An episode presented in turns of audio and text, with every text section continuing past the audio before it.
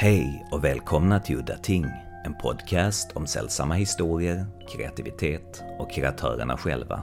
Mitt namn är Henrik Möller, musiken är skapad av Testbild och loggan till podden är gjord av Malmökonstnären Bartosz Naleczynski. Dagens avsnitt ska handla om den amerikanske författaren Michael Sisko.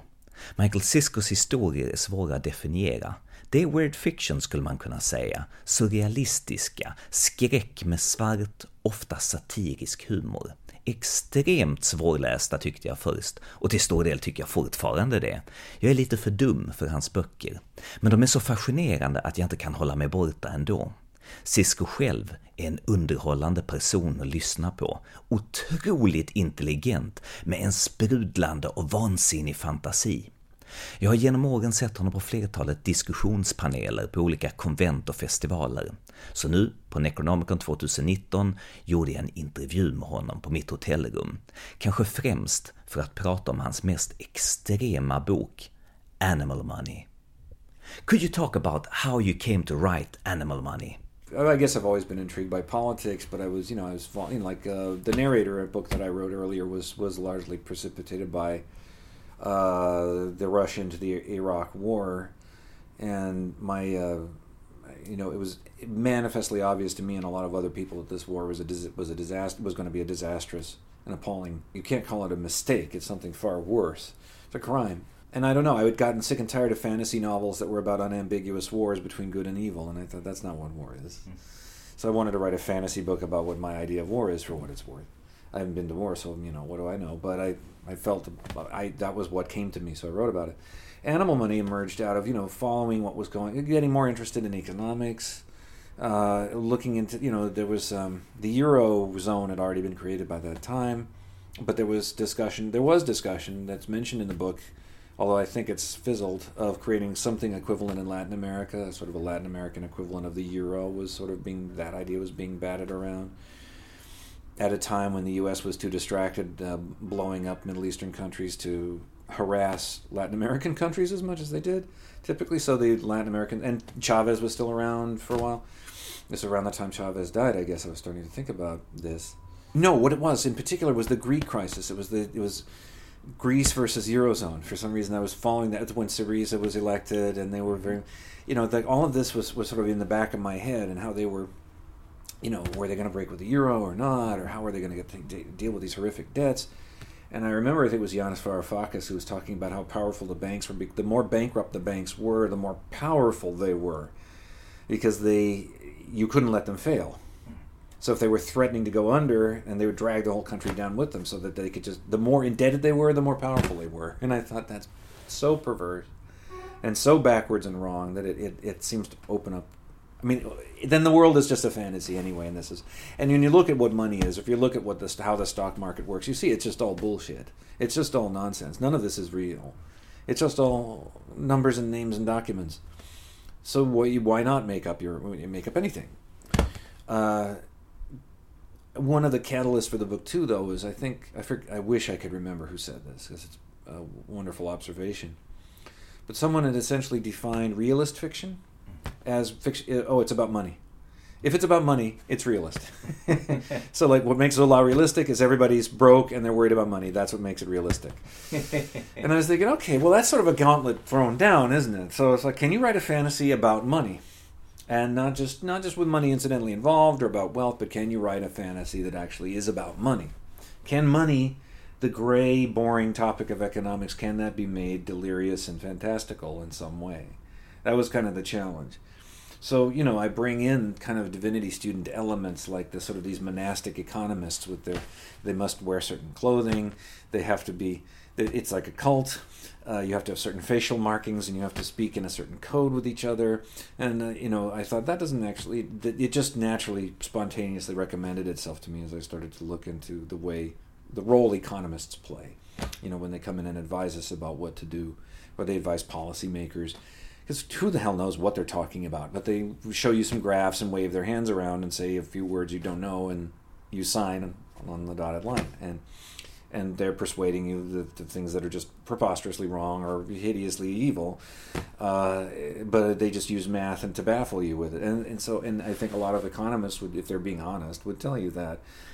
So, uh, yeah, the idea was, could I write a fantasy about money? That was part of it. Another part I have to admit is that you know I'd been reading. Uh, I read um, 2666 by Bolaño, Roberto Bolaño. This huge, sprawling book. Sorry. And suddenly the fan in my room went off, and for a while we waited for it to shut down, and while doing so, we got into a sidetrack discussion, which I decided to include here. I think it takes a moment to understand the instructions. Do you want to just pause it until? Yeah, we, we, we could we could do a little side thing. Uh, just a funny anecdote. I was in New York prior to coming here, and I had dinner with Ted Klein, T.D. Klein. Right? Yes. Yeah, yeah, and uh, yeah, wonderful, he's, he's wonderful. I love him. And uh, we, we somehow we got talking about the Harvey Weinstein affair, and uh, yes. and I saw docu- had seen a documentary about that where they uh, made an interesting observation that the thing for him, he had all these prostitutes. He didn't need to have sex with these women. Right. But the kick for him was not sexual, but the fact that he could, Right. the power Yes. that he actually could make those women uh, do things for him. Right, that was the, the sort of um, adrenaline kick. Yes, yes. And that got him addicted. A sort of addictive adrenaline kick. Yeah. Can I do it? Can I have sex with this famous actress? I Right. must do it. The It's- pleasure comes in forcing her to do that for you. Exactly. And then Klein told me a story that he knew some girl or guy who had an escort firm in New York. So, uh, and these girls. Uh, clients were wealthy Wall Street guys, Yes. and the kick for them, uh, oh, oh, they just pay these women to hang out with them and listen to the bullshit Yeah. and, and do co- cocaine with them. Right. There, there was nothing sexual, Right. and that was interesting. And the kick for them was to pay them money, Mhm. like six hundred dollars an hour, Right. to hang out with with them. And so, so the, the, there's an interesting thing that people that, that happens to people with money. Yes, because money is social power. It's crystallized. If I have money and you don't, I can make you do something. That's what that's what money is, and it, you know it's just it's, it's it's a purely social thing. It's entirely invented. It's like it's like language. Yeah. And so that was part of what I was trying to do. Is like could we think of a, another way for money that that another way money could work? That would be mm-hmm. you know the analogy I made was with storytelling and like okay, okay if we understand that money is because because the economists always dwell in the, they want to treat money like it's a fact of nature, like it's a like it's quantum particles or something that you can just study mathematically and it's like oh Mhm. well the market won't allow it as though you're talking about the weather, but you're not. You're talking about what people do. You're talking about practices. You're talking about what humans are doing to other humans, and they can put themselves behind the dollar sign all they want, and they can talk about the market all they want. But they made this. They invented this. It's all them. And you're precisely right. It's exactly that. It's that you're able to, you know, I have money and you don't. I can make you do what I want. Mm-hmm. And so then, you know, the question, then baffling question is, well, I mean, I don't know that inventing a new form of money would actually be the, the answer, but yes, but that's the, that would be the reason why, because what you need is a different society, right? But it would have you you would have to have a society that worked differently, that had a different way of distributing the stuff, the the work and the material goods, and so you know the the I was trying to kind of conceive of some way of kind of getting that idea across of kind of social, re-socializing money, or in part of it was like the preposterous idea of what animals would look like using money, because we're animals who use money. And so, what what does that look like, really? So that was a way of getting a kind of alien's eye view of like what these humans they just are constantly exchanging bits of colorful bits of paper and metal and plastic doohickeys with little numbers attached. And what is this nonsense? For those who are not familiar with it, could you describe the story of animal money? First of all, this is in a world where economists are kind of like a cult. They're they're like uh, they're sort of like uh, oh, they're almost like clergy in a way.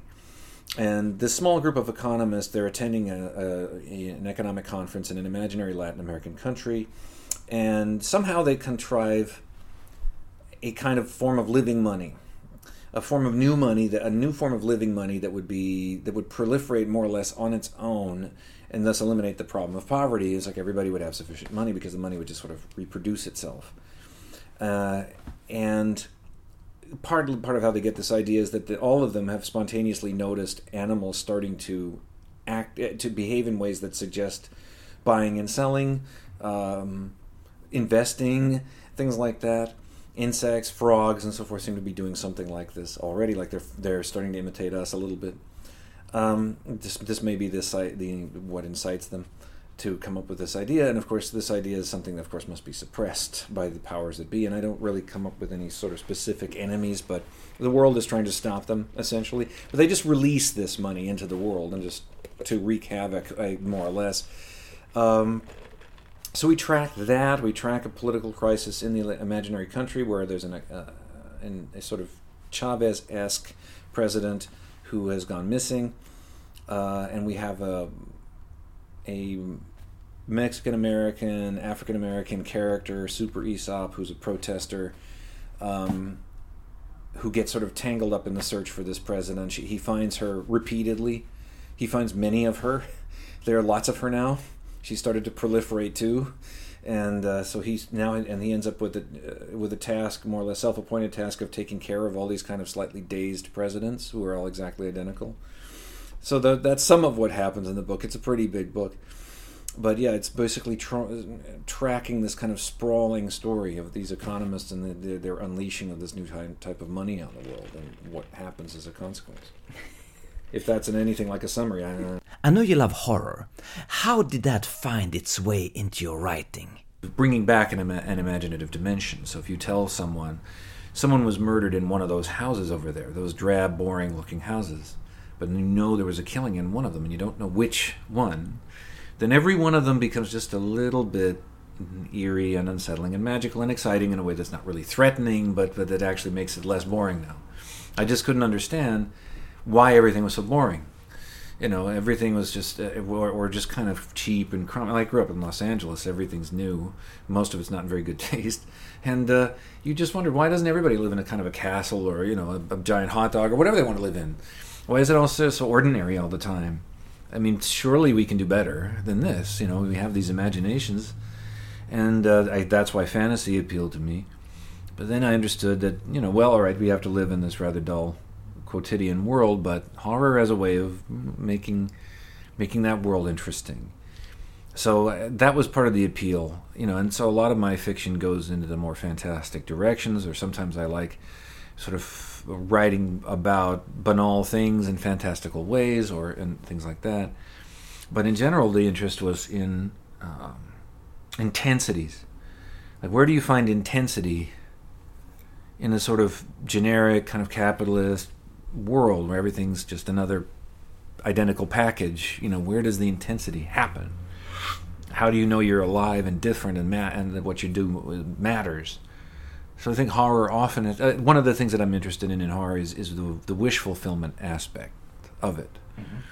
That very often we're told, well, people like horror because they like to be scared. And I thought, I don't like to be scared. I can't remember the last time I was actually frightened when I was saying, oh, yeah, I'm, this is great. Give me more actually frightening circumstances. And no, I don't feel like that at all. And so I wonder if there's actually something else going on. And that's what I tend to wonder when I read a horror story. Is this you know, Lovecraft on the one hand is writing about apocalyptic events and the end of the world, but then again, he didn't think very much of the world. He didn't, you know, he thought it was fine once, but now it's all going to pot. So in a way, the great old ones can't come soon enough for him in some ways. In some ways, mm-hmm. There's a sort of ambivalence, and I think it's the ambivalence that, that's productive. That's when you, it's that sort of well, I want this, but do I? That's a quandary that can be that can produce situations, can produce emotion, and now you have a, a problem that you can write about because mm-hmm. you want problems you want to the problem is the thing that's really alive that pushes back when you try to write about it mm-hmm. and so that's what you're trying to find conflict conflict and and uh, you know and a, and a, problem like especially if you're trying to write a story and it something it just won't work it's not working and then you have to ask well why not why doesn't this work and very often it's not always, but very often it's because you've you've run up against something. You've met, you've found something, and it's like it's not blocking you. Actually, it's it's exactly what you should be writing about. You should be writing about that problem. What's stopping you from writing this story is the story. It's pushing back. You found something real. You're not just making stuff up easily. It's now a bit of a struggle now. So what are you struggling against? What is the pushback? Can you name it? Uh, because that's your it's you're not trying to conquer it. You don't try to conquer it. You try to to describe it because that's the conflict. And when you can do that, you've. I think you almost always find the way forward that way. Speaking of horror, I have to ask you about Thomas Ligotti. How did you befriend him, and what did you talk about? I sort of think about these two great minds, yours and Ligotti, in discussion. Well, we didn't you- talk about heady things a lot of the time. Some of the times we just joked around. Uh, but um, how I met him, I used to know Bob Price, who edited uh, Crypt of Cthulhu magazine, a bunch of other magazines. He would have these little get-togethers at his house when he lived in Bloomfield, New Jersey, and he would invite me and Joe Pulver and various other people, writers that he knew. Uh, there was an artist named Tom Brown who used to come. There was a writer named Stefan Aletti who came a couple of times. He's not very well known, but I still remember a really hair-raising story he, re- he read to us. Because Remember the name of this story? the story that Aletti wrote, it was named a no, but I, it was the, a Latin phrase describing the discoloration of the eyes shortly after death. Mm-hmm. And I would have to look it up. Uh, but but the, in, a, in a sense, what's it about? It's about a vampire. It's about a woman who's who's attracted to another woman who has eyes like this, and who and she turns out to be to be a vampire. Um, it was just such an extraordinarily cruel story. It was just, uh, it was uh, it was a very uh, very bitter, uh, alarming story. I just remember. I never forgot it because the ending was so appalling. It was like the sort of impa- death by impalement of the main char- character. It was just awful but uh, so anyway, I would do this, and I eventually told um, somehow Bob. I mentioned to Bob that I had a finished novel. This was the Divinity Student that was lying around uh, in a drawer, and he said, "You know, you should. What you should do is you should." I was asking him, you know, do you know anybody who might be interested? And he said, "You know who really knows the small press? Thomas Ligotti knows the small press."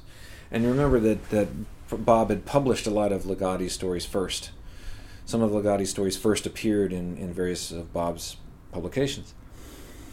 So he knew Ligotti, and he said, "Well, why don't you just get in touch with him? Send him the manuscript, see what he thinks." And I was like, "I, I'm in, send it to Ligotti." I mean, by that that time, he had only, I think, published "Songs of a Dead Dreamer," but still, you know. But you read that. Oh yeah, yeah, yeah. And I was reading some of the stories as they appeared, you know, as they were coming out, like Mystics of Muelenburg, and so there was a whole Ligotti issue of Crypt of Cthulhu, which had stuff in it that had not yet been published anywhere else. So was, you were kind of reading it like in its first ever appearance anywhere, and I remember, re- you know, encountering Lovecraft, uh, Lovecraft, a Ligotti, encountering Ligotti in those books, and like and perking up, like noticing, like there was a lot of good fiction in those collections, but this was different. This was fresher. This was a this was a more distinctive voice. This was a someone who was doing something different. Something that wasn't just sort of idly toying with ideas, but this person meant it. this person was earnest. They meant what they were saying. There was conviction here, and uh, and also extraordinary uh, talent. I guess I, I- even at that age I was able to sort of notice the extreme attention to language and the extreme care with which he expressed himself. And I was like, oh, okay, well, there's there's something happening here. There's a real, real writing is happening now, right in front of me. So you know, I was in I was in awe of, of and I was like, ah, I don't know. But I wrote to him, and I got a pretty prompt reply in the sort of spidery handwriting that you would kind of hope it would be in, uh, saying, you know, I'm happy to, to, to correspond with you, but it would be a lot easier if we just talked on the phone. And he gave me his phone number. This was when he was living in Detroit, or just outside Detroit, and working uh, in Detroit. And I, um, I was like, calling him, I don't know. But I did, and we we talked, and we and, and I sent in a manuscript, and he liked it. I mean, the manuscript of the Divinity Student. He did he did make some suggestions, although he was not like uh, revising at all, but he was just saying there were parts where he said, "Well, it's clear you know what's going on, but I'm not sure the reader is sufficiently clued in, so you might give more information here or here, things like that." and I took that advice to heart and tried to clarify certain things before I. But he had just it, he had just happened to receive a book by Jeff Vandermeer called Dradin in Love. I think it might even have been his first novel. If it wasn't his first, it was very early. This would have been late '90s. Published by a new publisher called Buzzcity Press, which was run by Anne Kennedy, who would be later become Anne Vandermeer, editor of the Silver Web, which was wonderful literary magazine. A weird literary magazine. And uh, Ligotti said, you know, this book is sort of reminiscent of the Divinity Student, a little reminiscent of Dradin in Love. So maybe send it to Buzzcity. Maybe they'll take it. And I did, and they took it. And that was how the Divinity Student first came out. and Anne was Anne had contacted me about the cover artist and talked about an illustrated edition, you know, doing it with illustrations, and she suggested, well, what about Harry O. Morris? And again, I just fell over, you know, because Harry Morris illustrated a lot of Ligotti's original fictions. In fact, he published a lot of Ligotti's original fiction in Nyctalops, his, his own magazine, which is, uh, I don't know if you've, if you've seen Nyctalops. Yeah, yeah, yeah. I'm aware of it. I have seen pictures, but I've never read an actual copy. That's the thing. Uh, would you write in about it, and he would talk about how Nyctalops, like every issue of Nyctalops, felt like it came from somewhere else. Like it would arrive on your front door, and it was very different, you know, very sort of a little wrong, like it shouldn't be there. It was a magazine that had an aura of menace about it somehow, that Harry Morris managed to imbue it with. He was uh, Morris does like photo montage type of of, of art and he'd done uh, illustrations for a lot of uh, a lot of Ligotti's stories originally appeared with his illustrations. So the prospect of having him do the cover and internal illustrations was I was over the moon when I when they suggested that. I was oh my god. Uh, and uh, in fact, he did additional illustrations that were not put in the first run of the Divinity Student that I had added in. I asked Jared when, when they reprinted it for Jared. Jared reprinted it at Centipede Press for the box set. I had them put the additional art in. Uh, so there are more, even more illustrations. And he did the cover for Wretch of the Sun and a few other of my books as well. Anyway, um, back to me and Ligotti. Uh, well, we talked. There was a time when we talked for you know for there was about a couple of years where we would talk pretty regularly and for quite a long time at a stretch. Um, and this was uh, leading up to the time when he left uh, Michigan for uh, Florida. And we would talk about uh, you know we, we ran the gamut. We talked a bit about philosophy. We would talk about um, you know i was very i was still sort of learning uh, at the time. And he was steering me toward you know we would talk about say schopenhauer and uh, was a philosopher, one of the only philosophers he really cared about that much. Uh, and Cioran, he would tur- I, I, he turned me onto a lot of books, a lot of writers, writers like Cioran, and of course I immediately dutifully went out and read all the Cioran I could. Got kind of sick of t- Cioran pretty fast, but I read him. uh, you know, and um, he, you know, other writers, all kinds of writers that I I encountered because of Ligotti. I don't know if I could name them all, but writers like, uh, do you know the Belgian writer Thomas Owen? No. He wrote a book called The Desolate Presence. It's a collection of short stories, and I think Tartarus did a collection of his stuff not too long ago. He's a Belgian writer, but he took the name Thomas Owen as a sort of pseudonym, and that he's he should be much better known. His work is masterful, especially if you see it in that Tartarus collection. Writers like that, but we would also bond over writers we both liked, like like Bruno Schulz or or uh, Bernhard. We would talk about politics. We would talk it, would- it would, a lot of things. I mean, one thing is Ligotti is much funnier, I think, than people necessarily understand. He was very funny to talk to. I was not goofy at all, but very his wit was very dry. I remember uh, there's a there was a comic named. Um, Bill Hicks, uh, sort of famous American comic, and he sent me some Bill Hicks tapes that he liked. He said he didn't like the mystical, positive parts, but the negative, vitriolic parts he liked just fine. Um, and we talked about film, and occasionally he would even send me. He, on one occasion, he sent me a, uh, a story. I think it was a story that um, eventually got published under another title, and unfortunately, I'm forgetting the, the other title. But its original title was "Conspiracy Against the Human Race." uh, although it was not a draft of the philosophical book, that he sent me and, and just to sort of ask me what I thought of it. And But what was this? This was a book, this was a, long nar- narrative about a. Um, I don't know that I can give you a satisfactory answer off the top of my head. I would have to actually go But, but look this was the book that turned into the conspiracy. Against no, the this was a this was a story. This was not a Okay. not a piece of nonfiction. Oh, okay. But a lot of the ideas that he discusses in conspiracy are ideas we discussed. Oh, okay. and we would talk about you know um, you know his his love of crumminess Mhm. his love of crummy places and crummy things uh, and um, and about his depression too you know like what depression is and what it's like. The feeling of being alone with the truth I think is how he described it. It wasn't always easy to talk to him because you know you could feel the depression there. And you had the sense that once that once you hung up it would be like you'd never called him at all right? Like he would be in exactly the same place where he was. It, it's not like oh i'll call him and cheer him up. It's like yeah that it doesn't work like that. Not with not in his case. Um, but he was he has no ego at all. He, he, he, he wasn't at all like talking to somebody who thought of himself as some kind of grand master or anything like that. Uh, and he was very um, critical of his own work in the sense that not in the sense of negative, but in the sense of being, uh, you know, he would say writing for him was anguish. It was incredibly painful. Whereas for me, there's a kind of exuberance that I find in writing. But for him, you got the feeling like he, you know, he always sort of wrote reluctantly uh, because it, you know, that he would sit down to write, but with a certain sense of, you know, oh God, here I go, oh God, it's happening, I'm doing it again. What you also learn in talking to him, though, was that, that he had, and I don't know that people, because I, I, recently saw him characterized as misanthropic somewhere. Mm-hmm. I'm like, you're an idiot if you think he's a misanthrope. You're mm-hmm. an absolute idiot. Mm-hmm. If, and certainly, if you would ever talk to him, you would understand that that he is a man of extraordinarily deep compassion and sensitivity to other people who is who in many ways I think kind of I mean he, I think he when he sees people abused I think he feels very very vehemently and painfully indignant about it and I think that his, he, he, what is taken as misanthropy is is actually the kind of stunning irony is actually deep compassion for human suffering and a kind of indignation about it.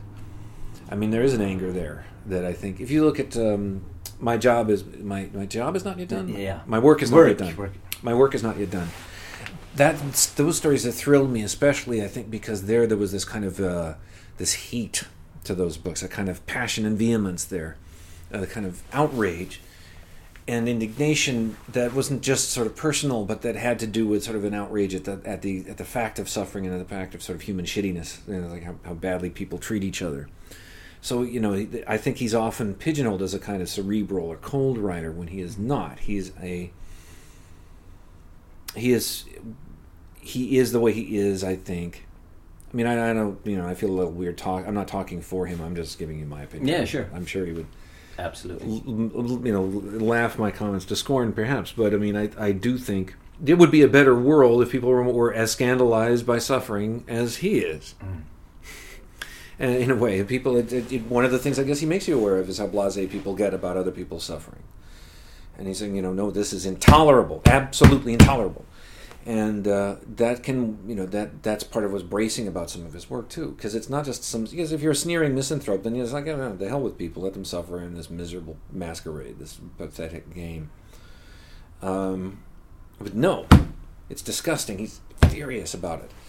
Uh, so but yeah, I mean, if you're asking, if, if one were to ask, you know, is like, you know, is it really as sincere as as it seems? Like, no, his convictions are completely that he's he's not making anything up. It's like this is one of the things I think he uh, has in common with Lovecraft, in that he is expressing his own philosophical views through his work, and this is it's not a pose. It's not a game. It's in a sincere expression of, of his values mm. and his feelings. Like that's who he is and that book, My Work Is Not Yet Done, seems very autobiographical. I mean, he had sort of a desk job for many years, I yes. believe. So, he just, yeah, he worked at Gale, Gale Research, and uh, he wasn't, you know, he had to leave under circum under circumstance. I don't know how much I can talk about it, just because I don't know what's confidential or what isn't. But uh, he was very unhappy with the direction the company was going, and with the circumstances of his departing, and. Uh, with every indication of being very abundantly correct uh, to be as angry as he was. And I think these stories arose out of that. Um, but I mean, I, I, think we could use a lot more stories of corporate horror and of, of, of rage and anger directed against these kind of faceless organizations. Uh, I think that the that that bringing them, uh, bringing that kind of feeling, it's because horror does have rage in it. there's anger in there too. It's not just about fear and, and dread. There's also about there's also rage and indignation and anger and vehemence in, in there too. And I think that that you know, that was one of the things I'd been miss uh, not missing, but something I was I was very happy to see Ligotti exploring because he does it so. Um, I don't know. It's just perfect. The, that that's that collection. It just because it, it's it would be so easy to turn that into a, a story of sort of a wounded self esteem and it's simply not. It's it's it's not about uh, any particular individual's personal uh, vanity being wounded. It's about um, about a vile way of doing things, about a sort of vile institution called the corporation. And uh, oh, I, I it, it was just wonderful to read, bracing and so forth. Um, his work just got it, it, it was so uh, alive and so constantly changing and constantly developing. And so when you get to like teatro grottesco that's a whole other thing. Mm-hmm. and when you're getting to stories like the red tower where you're not even dealing with anything like plot anymore mm-hmm. now it's just like plot characters they're superfluous. But you feel the superfluity of them like we're dispensing with this because these are illusions essentially. And now we're just going for pure distillation of mood. Uh, I remember too when I think what the Spectral Link, that newer book, the mm-hmm. two ones. I haven't read it. You know, I heard his new stuff isn't very good. That's why I haven't bothered. I heard that he lo- some people claims he lost his touch with his new Baloney. stuff. Malarkey. Okay. Horse hockey. it's short. Glad read to hear it. Read it anyway. Uh, whatever you think, and make up your own mind. Sure. But I remember as I was reading it, as I was reading it, I hadn't read Ligotti in a while, uh, just because I hadn't been anything to read. And then I was reading it, and I started to get that feeling like, oh, I'm back there now. I remember this place. I'm back. It's I'm back there. It was wonderful. I mean, and um, the first, I believe it's the first story, uh, has a very long kind of uh, comical interlude in the middle, written in a different style. It's a sort of abusive letter that the character receives and I, I said to i think i said this in an email or something to him like you know oh you're doing burroughs here. This is a burroughs riff you're doing. And he was like yeah you got me. It's a burroughs riff uh, and then this i mean uh, the small people that second story is is excellent. Don't let anybody tell you different at least in well i think it's ex- yeah. superbly written. The, the, you know his development in i, I remember you know a lot while i don't agree with with with this i don't find myself ultimately in agreement with him philosophically in conspiracy. I don't i'm not quite prepared to say that human beings are, a mistake that should be corrected uh, but i was so thrilled to see he'd done it. Mm-hmm. that he'd done a philosophical book oh, yes, mm-hmm. excellent. I was so happy. I was like, I just that he'd done it, uh, you know, because um, I, am still trying to understand why that was so thrilling for me. I think it was because um, because it was it was I think it was important. It was something that he had to do, and people had to hear from him. Uh, you know that he that he really is that this isn't fiction. What he's saying essentially that these stories are are, are like they were like poems. They sort of occupy that area where the events may be fictional, but it's more about the the feeling, the ideas, the, the, the understanding of suffering and of other people that, that it's about. And so to see him approach it from another way, in this sort of non fictional sense, to see someone write philosophy, to write living philosophy, you know, and to, to, to, to express themselves in that way was very, very exciting for me. Uh, and I, so I, I really relished the book, even though I would, you know, if I had him around, I would probably bicker with him about the content. But I mean, that would be part of my enjoyment of it, and I I don't know if he would enjoy it, but I would certainly enjoy talking with him about it.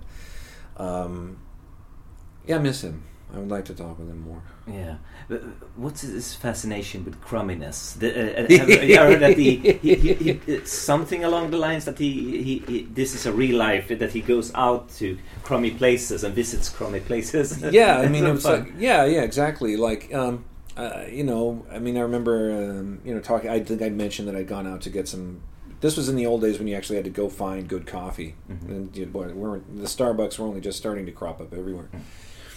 And uh, you know, I mentioned that offhand, and he said, "You know, I I think I'd just rather get bad coffee and just pretend that it's good coffee. I'll just sit there and imagine that it's good coffee." Or, as far as aesthetically, I think if you notice, if you look especially at his early work, like the Frolic and Last Feast mm-hmm. of Harlequin, there's this. There are a lot of baroque elements, mm-hmm. and I think he.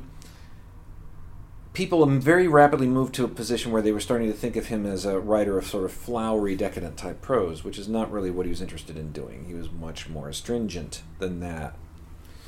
But he did have this kind of flirtation with flowery stuff sometimes, and I think people wanted to make him like into a writer of pretty prose or purple prose, and he wasn't. But at the beginning, there was I think he was kind of finding the balance that he wanted. Uh, you know, when to be grotesque, like when to bring in the kind of uh, Hoffmann-like um, curious characters and and places and things. and I think for him the this I'm just speculating, but I'm thinking that for him the crumminess was a way of of of uh, of giving of learning to aestheticize crumminess was a way of, of kind of pruning back the the baroque elements. So no, it's not going to be castles. It's not going to be scenic Victorian houses. It's going to be a Chinese takeout place. The most the most um, direly real, the most the most bleakly real the most unromantic places, really. It's a kind of zest for the unromance, the anti romance, the anti glamour of, uh, of um, the gas station bathroom. You know, so if you look at, you know, like the, the, the town clerk and stories, you know, those kinds of stories, uh, the, the the places are always crummy or run down or like like but like the DMV there's it's not the glamour of the old Gothic mansion anymore. It was a so I think it's a way of finding uh, a way of uh, ench- enchanting disenchantment, mm-hmm. making that uh, aesthetically savorable uh, in a way. Uh, be, just amazingly resourceful thing to do, really, and to explore the. I mean, that's the feeling. That's where we're coming from a lot of the time in his work. That's in this sort of, you know, think of uh, Poe is Im- immensely important for for Ligotti. Mm-hmm. And you look, think of the beginning of House of Usher. It's always a mistake to depict the House of Usher as a romantic-looking gothic pile because it's not. And Poe explicitly says there was nothing in its appearance that the then one could. That, there's nothing sublime about it. He mm-hmm. says, in effect, if the house is just depressing to look at, then that's it. So oh, no, it's a beautiful romantic gothic. But no, it's depressing. It's a drab, depressing house. It's depressing. There's nothing romantic about this house at all. So it's not a glamorous old house. It's a lousy old house. It's cracked down the middle. And looking at it, you just feel terrible, and that's it. There's no dream, there's no romance, no desires being stirred. No. And you know, of course, by now, such old houses just they, you they get that shoved into them anyway. So you've got to go to the Chinese takeout place to mm-hmm. get that same. You look at that place, and boy, instantly your spirits just sink.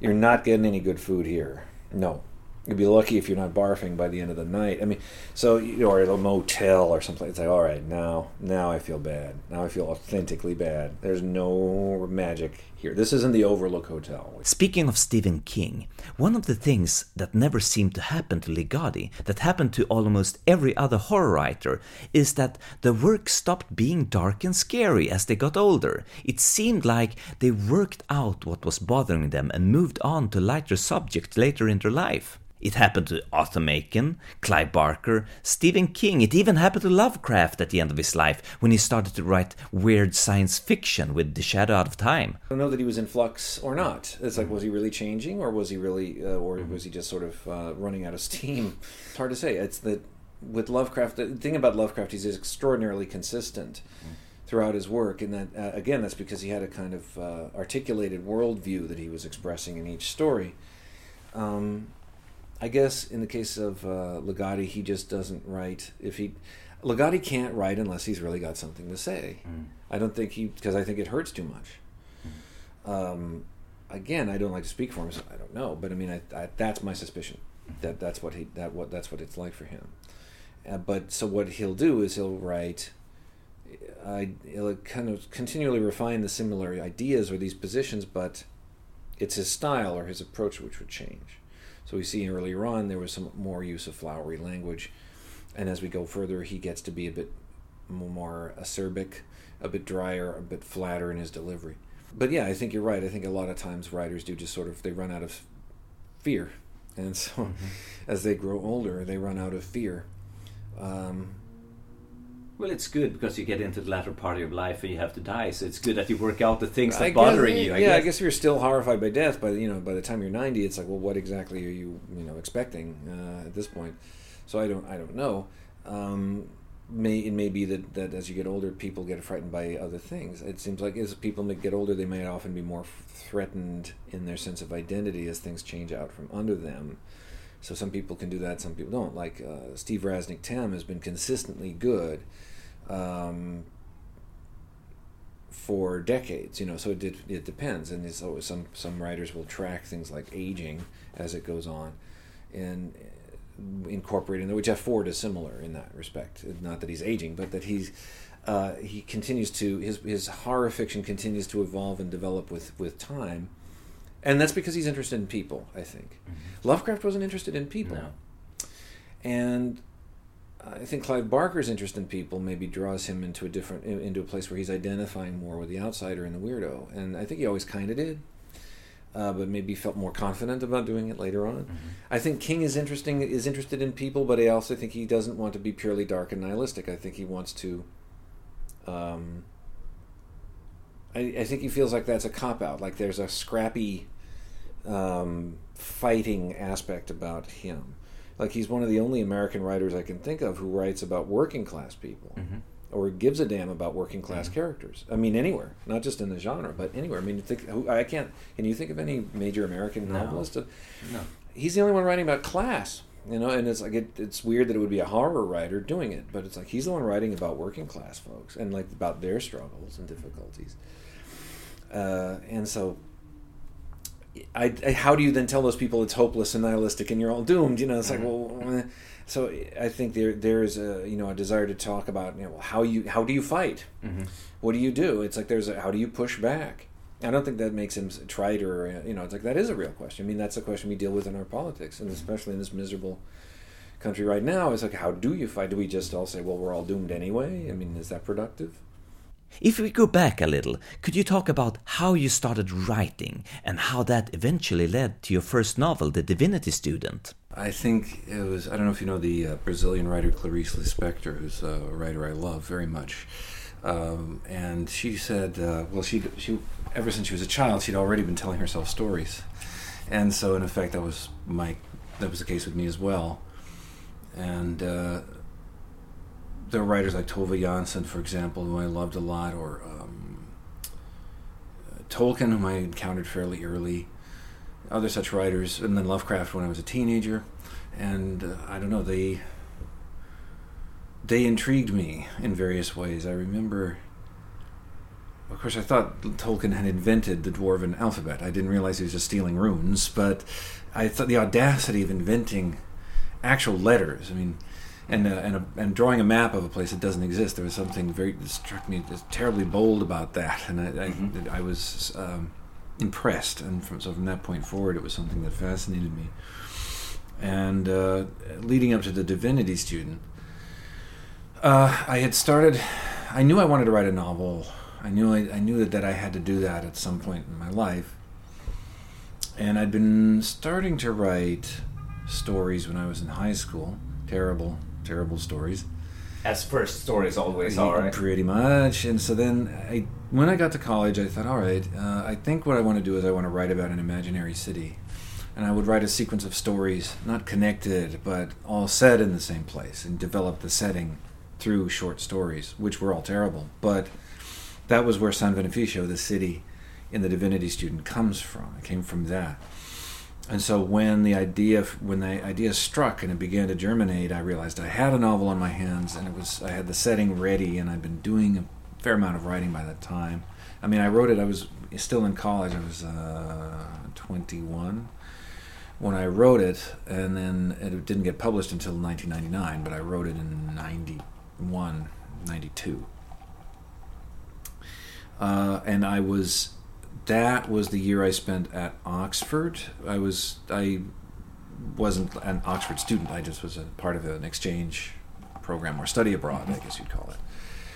And I was studying the, among other things. I was I was I thought, well, I'm here. I'll study the Bible as literature, uh, and there were a lot of elements about reading the Bible structurally that was very interesting, especially about prophecy and the role of the prophet as a sort of agent of the, in a sense, the author of events.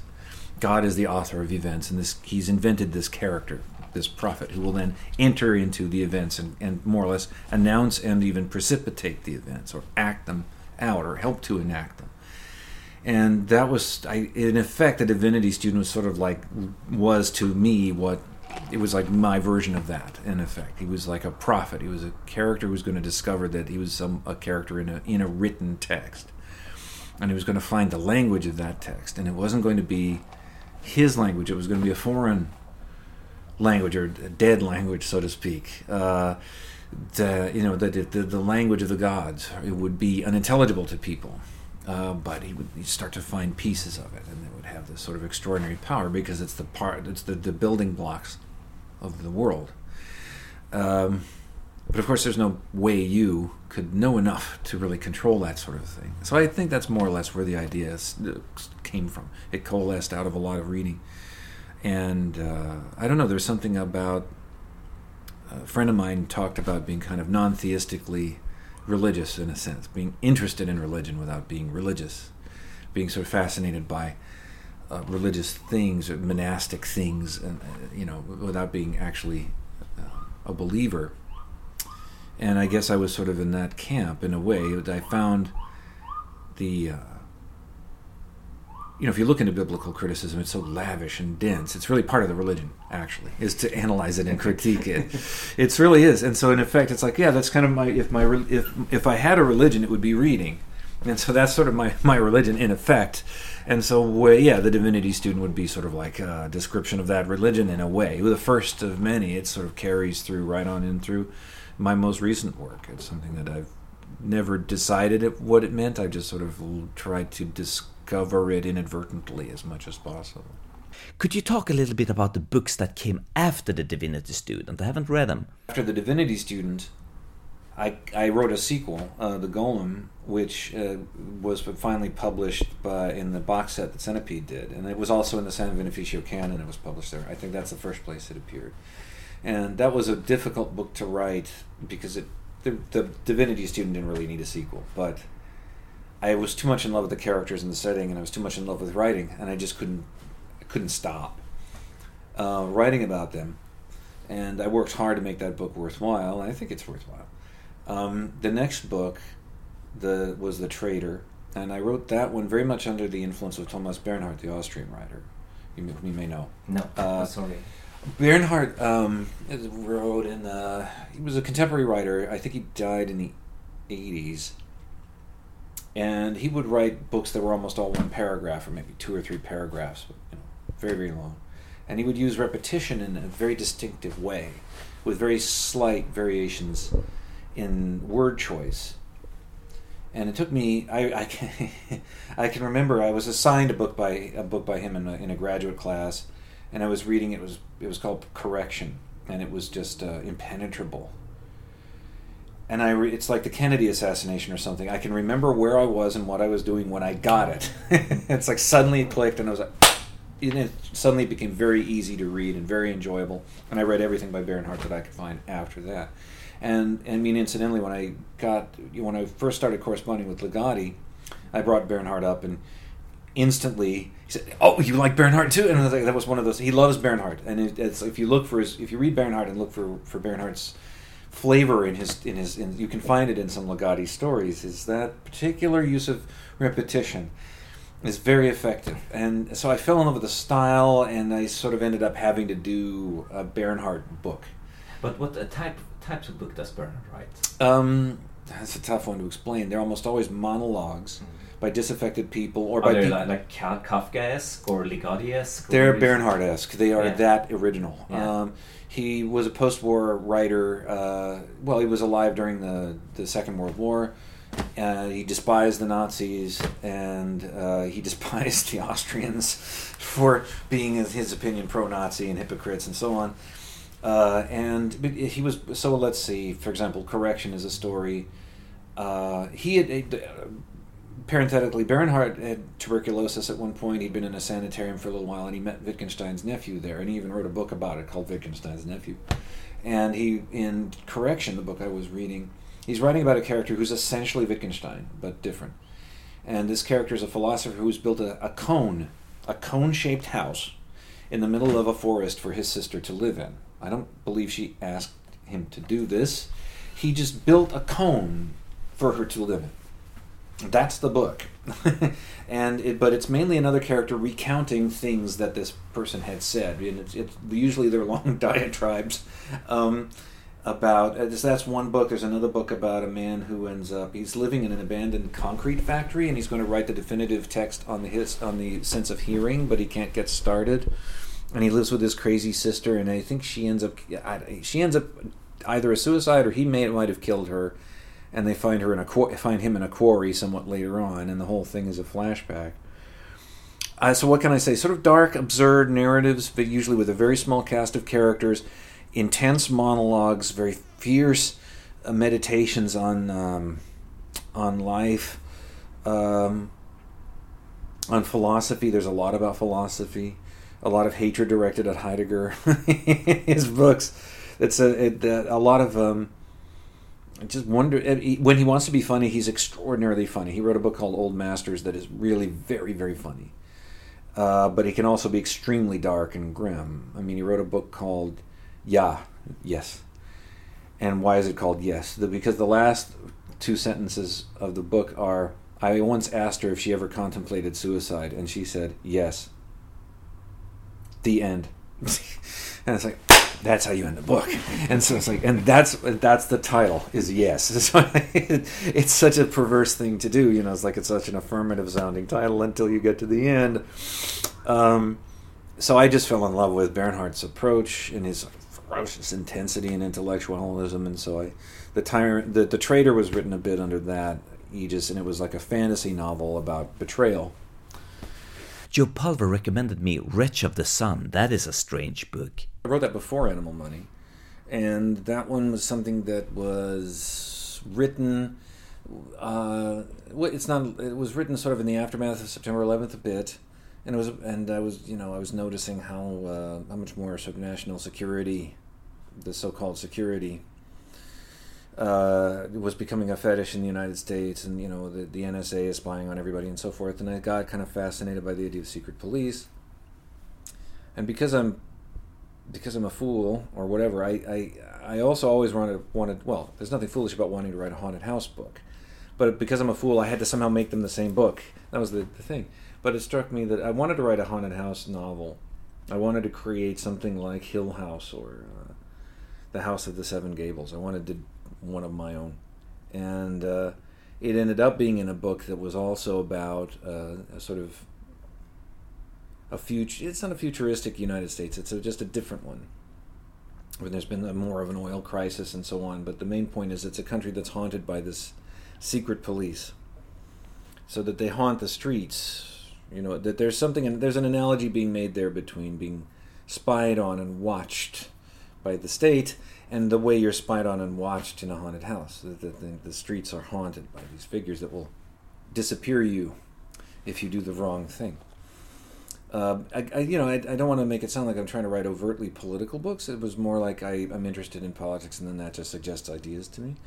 So, um, the Wretch of the Sun, the main character is a is a police officer who has a vision very early on in the book. It's the first thing that happens.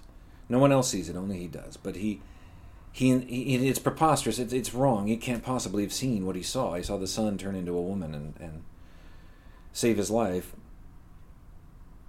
But he can't stop himself. He, he'll get up in the middle of a table in the police department and start saying, "This is what I saw." And he, they so they, they put him on like psychiatric leave, and a, a friendly therapist in quotes comes to visit him in his house and have a little talk with him to make sure that he's all right, and say, "Well, maybe you don't come back for a month or so. You know, you've had a difficult day." And maybe you need to just unwind and so on.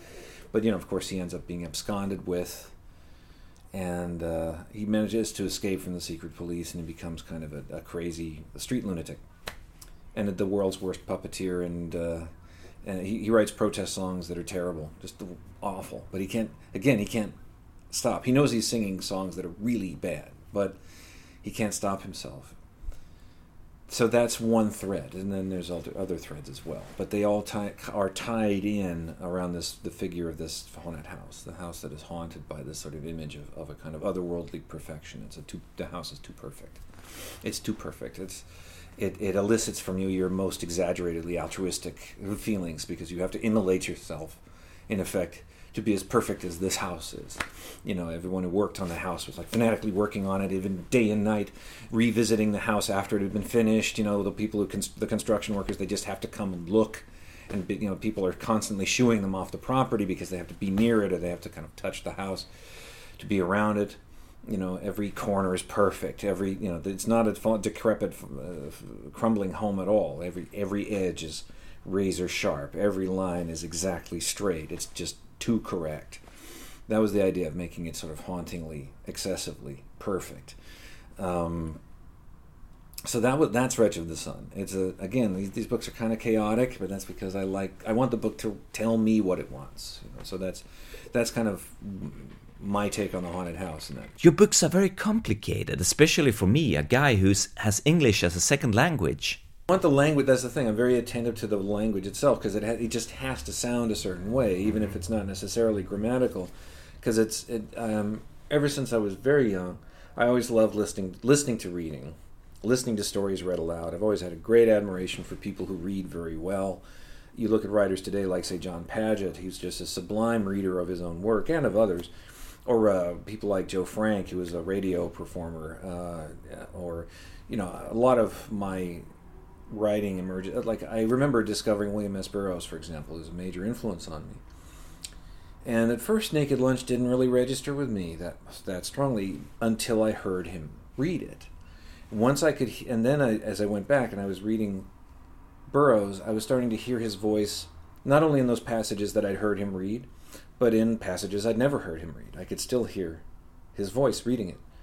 And that showed me how to essentially talk on a page, to write language that speaks, to pay, be attentive to the sound of words, the feeling and the physicality of words, and the, the, to, to, to the, the sensuous or sumptuousness of, of language. And so uh, you know, everything I wrote had to have.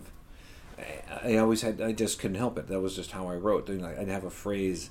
Very often, I get phrases I didn't understand or that made no sense to me, and those were always like gifts because then it was like I, I didn't contrive this in some sort of, oh, you know, uh, by fiat. You know, like this made itself mm-hmm. and offered itself to me like a dream, and then then it's a gift, and I now I, I almost have a duty to use it.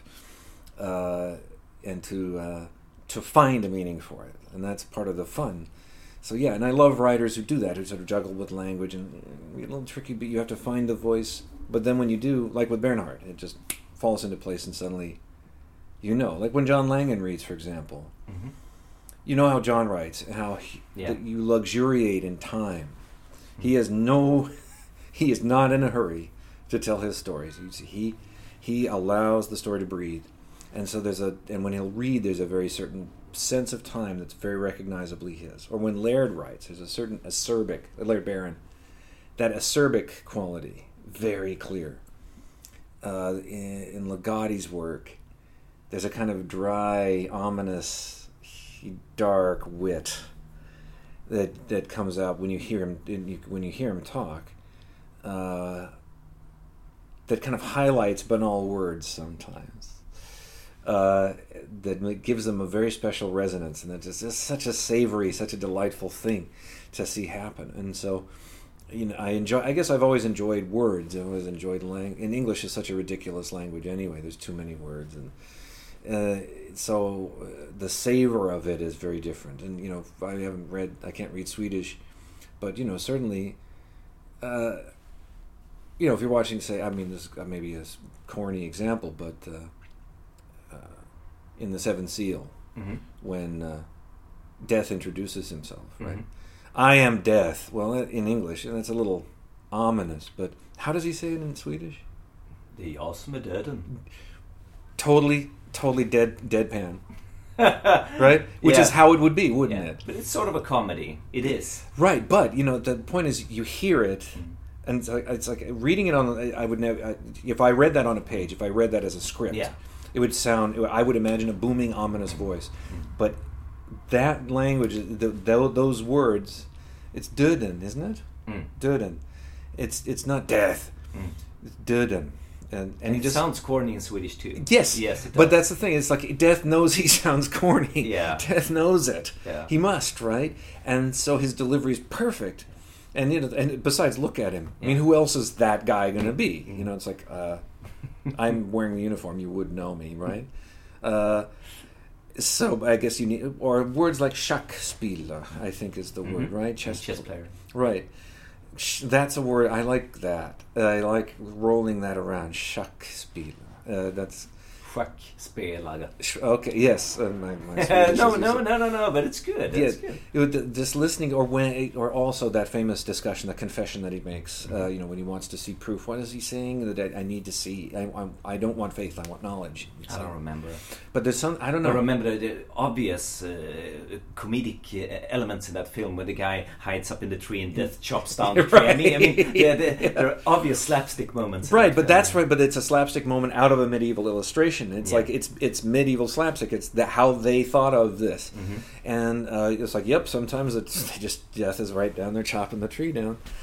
Joke is on us always. But you know, when I was a kid and people talked to me about the Seventh Seal, Yes. yeah, I thought it was this serious, uh, pretentious film, and when I saw it, it was quite funny, as, Yeah. Mm. as, as we all know. And uh, old Swedish folk music has a lot of slapstick and. Mhm. Yeah, really cheap, cheap uh, humor. Yeah, I don't know what you call uh, what you call it. Uh, what's the word for it? Like farce, farcical, uh, Farcical, right. extremely farcical, Right, uh, or yeah. burlesque, or uh, yeah. Yes, yes, far- Yeah, it's it's sort of it's like you know if you look at countries where like even today where people die a lot, you know where there are places where there's a lot of conflict and Mm-hmm. and, and struggle. If you listen to the music from those countries, it's all very happy music. Mm-hmm. And I think it's because when people get together to listen to music, they don't want to dwell on their problems because they just came from a street where someone got shot. Mm-hmm. They don't want to think about it. Mm-hmm.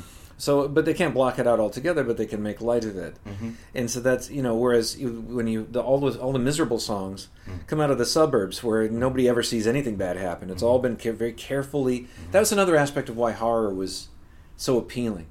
Because if you live in the suburbs, you know bad things are happening. If you're not an idiot, you know bad things are happening, but they're not happening around here. They're somewhere else. The bad things happen to other people in other neighborhoods, not around here, mm-hmm. not to us. So you don't see that, but you see that denial going on. And everything's normal. Right? Yes, sir. Yes. Normal, right? Yeah, yeah, no, no, normal. But then you wonder, is everything normal? And it's like, what's going on over there? And, and it's our is, is the peace and quiet here something that is being bought and paid for by mm-hmm. people's misery over here? And you know you're being kind of hoodwinked, or there's a little bit of a game being played uh, with this sort of genteel living in the suburbs, or the peaceful suburbs. There's something uh, ominous and uh, Yeah. about that, and the horror kind of isolates that aspect of the of ordinary things. It bring can, can sort of bring that element out. If you look at like the haunting of Hill House, so much of that depends on the stifling respectability of middle class households and how you know Yeah. and Eleanor's terror at the idea that everyone's going to think she's an old maid Yeah. and you know, and, and the you know people fighting over silverware and mm-hmm. things like that. Just Yeah. I mean, it, but it, it draws you right into the center of a kind of existential problem, you know, of what home is and where I belong in the world and and all mm-hmm. of that. So again, that's another dimension of horror that I was really loved, and I don't know if I've ever done a very good job of bringing that aspect out because I tend to go very Caligari-like in my fiction, but that's a reason. Ja, och med de orden så säger vi hej då för den här gången. Mitt namn är Henrik Möller, musiken är skapad av Testbild. Hej då!